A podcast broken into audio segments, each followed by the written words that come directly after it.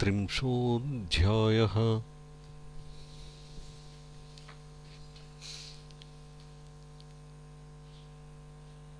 देहगेहासक्तपुरुषाणाम् पापादधो गतिकथनम्।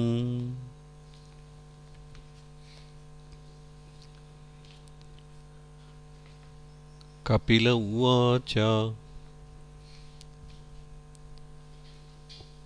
तस्यैतस्य जनो नूनम्। नायं वेदोरुविक्रमम्। काल्यमानोऽपि बलिनो। वायोरिव घनावलिः। यं यमर्थमुपादत्ते दुःखेन सुखहेतवे। तं तं धुनोति भगवान्। पुमान् शोचति यत्कृते। यदध्रुवस्य देहस्य सानुबन्धस्य दुर्मतिः ध्रुवाणि मन्यते मोहाद्गृहक्षेत्रवसूनि च।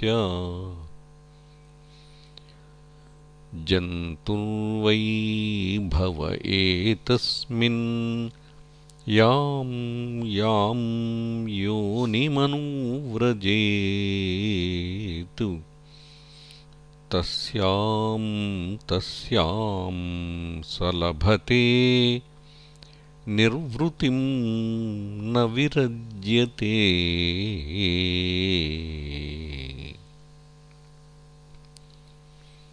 नरकस्थोऽपि देहं वै न पुमांस्त्यक्तुमिच्छति नारक्यां निर्वृतौ सत्यां देवमायाविमोहितः आत्मजाया सुतागार पशुद्रविणबन्धुषु निरूढमूलहृदयः आत्मानं बहुमन्यते।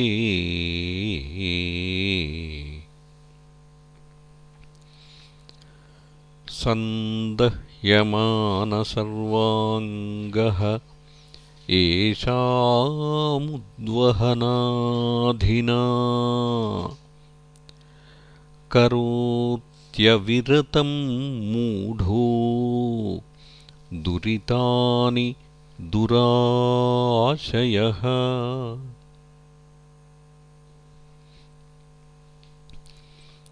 आक्षिप्तात्मेन्द्रियः स्त्रीणामसतीनां च मायया।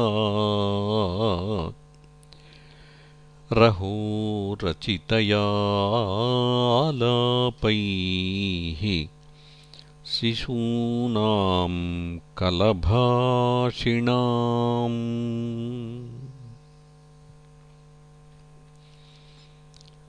गृहेषु कूटधर्मेषु दुःखतन्त्रेष्वतन्द्रितः कुर्वन् दुःखप्रतीकारम् सुखवन्मन्यते गृही।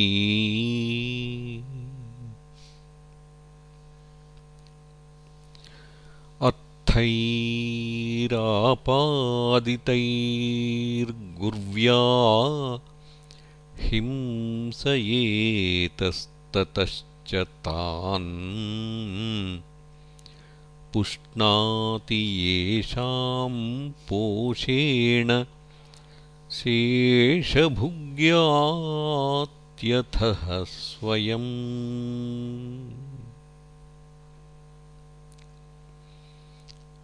वार्तायां लुप्यमानायामारब्धायां पुनः पुनः लोभाभिभूतो निःसत्त्वः परार्थे कुरुते स्पृहाम्।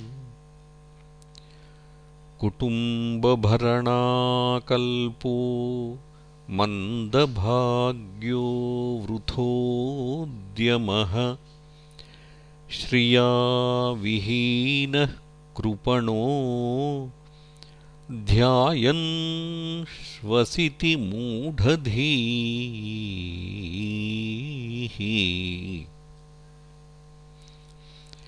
एवं स्वभरणाकल्पं तत्कलत्रादयस्तथा नाद्रियन्ते यथा पूर्वम् कीनाशा इव गोचरम्।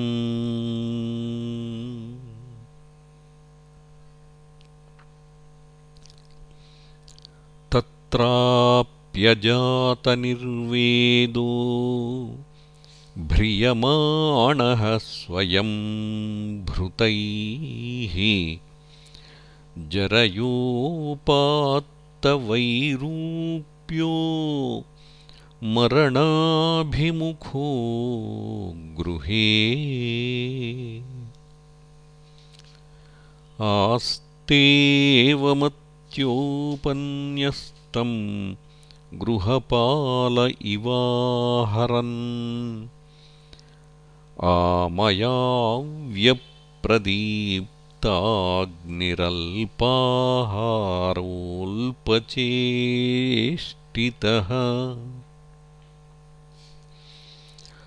वायुनोत्क्रमतोत्तारः कफसंरुद्धनाडिकः कासश्वासकृतायासः कण्ठे घुरघुरायते।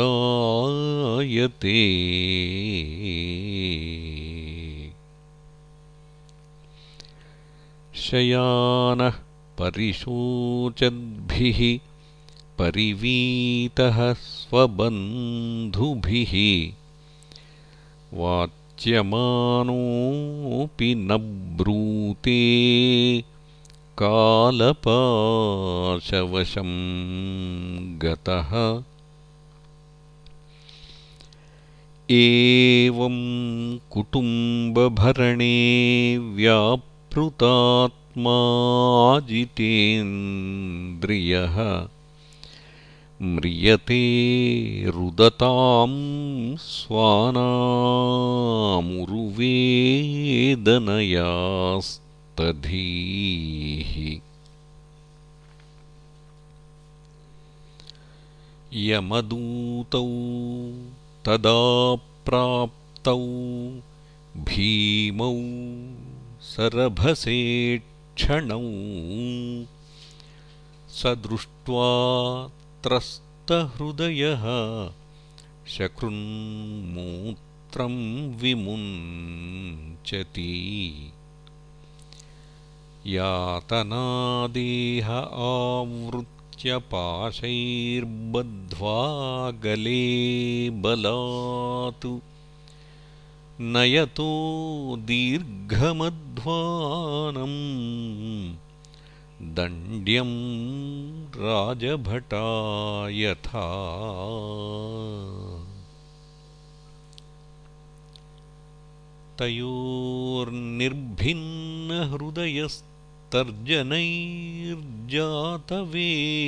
तयोर्निर्भिन्नहृदयस्तर्जनैर्जातवेपथुः पथि श्वभिर्भट् क्ष्यमाण आर्तोघम् स्वमनुस्मरन्।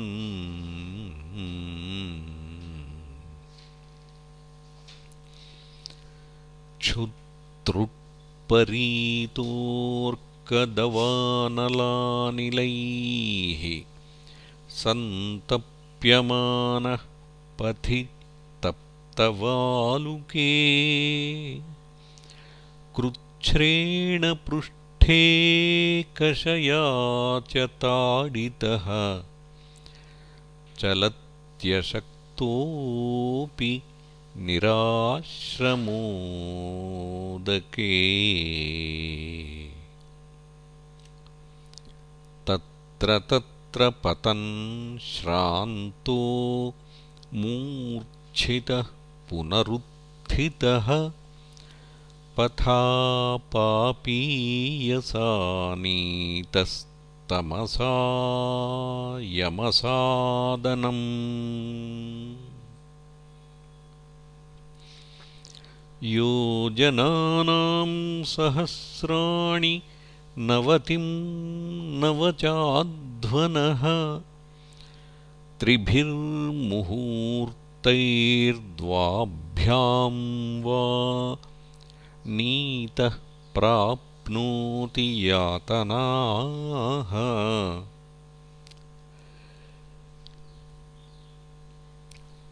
आदीपनं स्वगात्राणां वेष्टयित्वोल्मुकादिभिः आत्ममां सादनं क्वापि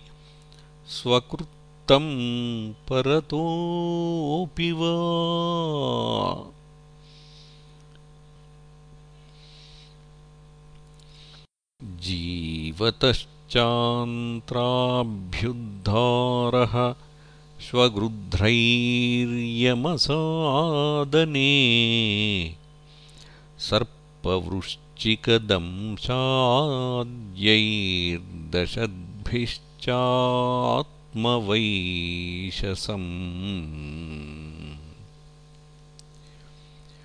कृन्तनञ्चावयवशो गजादिभ्योऽभिदापनं पातनं गिरिशृङ्गेभ्यो रोधनं चाम्बुगर्तयोः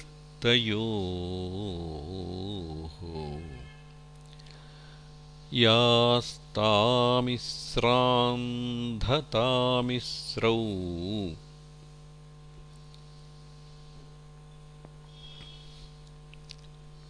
जीवतश्चान्त्राभ्युद्धारः स्वगृध्रैर्यमसादने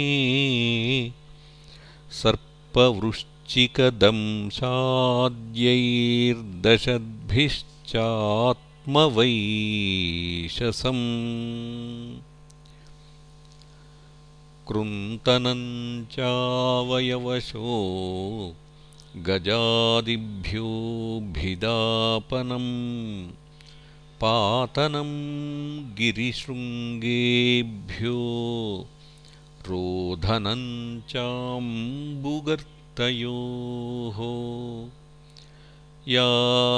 यास्तामिस्रान्धतामिस्रारौरवाद्याश्च यातनाः भुङ्क्ते नरो वा नारी वा मिथः सङ्गेन निर्मिताः। अत्रैव नरकः स्वर्ग इति मातः प्रचक्षते। या यातना वै नारक्यस्ता इहा प्युपलक्षिताः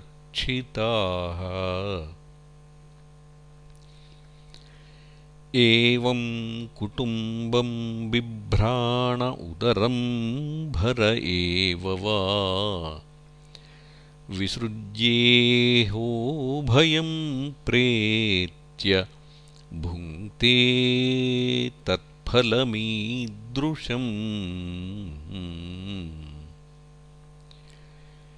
एकः प्रपद्यते ध्वान्तं हित्वेदं स्वं कलेबरम् कुशलेतरपाथेयो भूतद्रोहिणी दुःखेण यद्भृतम्। दैवेनासादितं तस्य शमलं निरये पुमान्। भुङ्क्ते कुटुम्बपोषस्य हृतवित्त इवातुरः केवलेन ह्यधर्मेण कुटुम्बभरणोत्सुकः याति जीवोऽन्धतामिश्रम् चरमं तमसः पदम्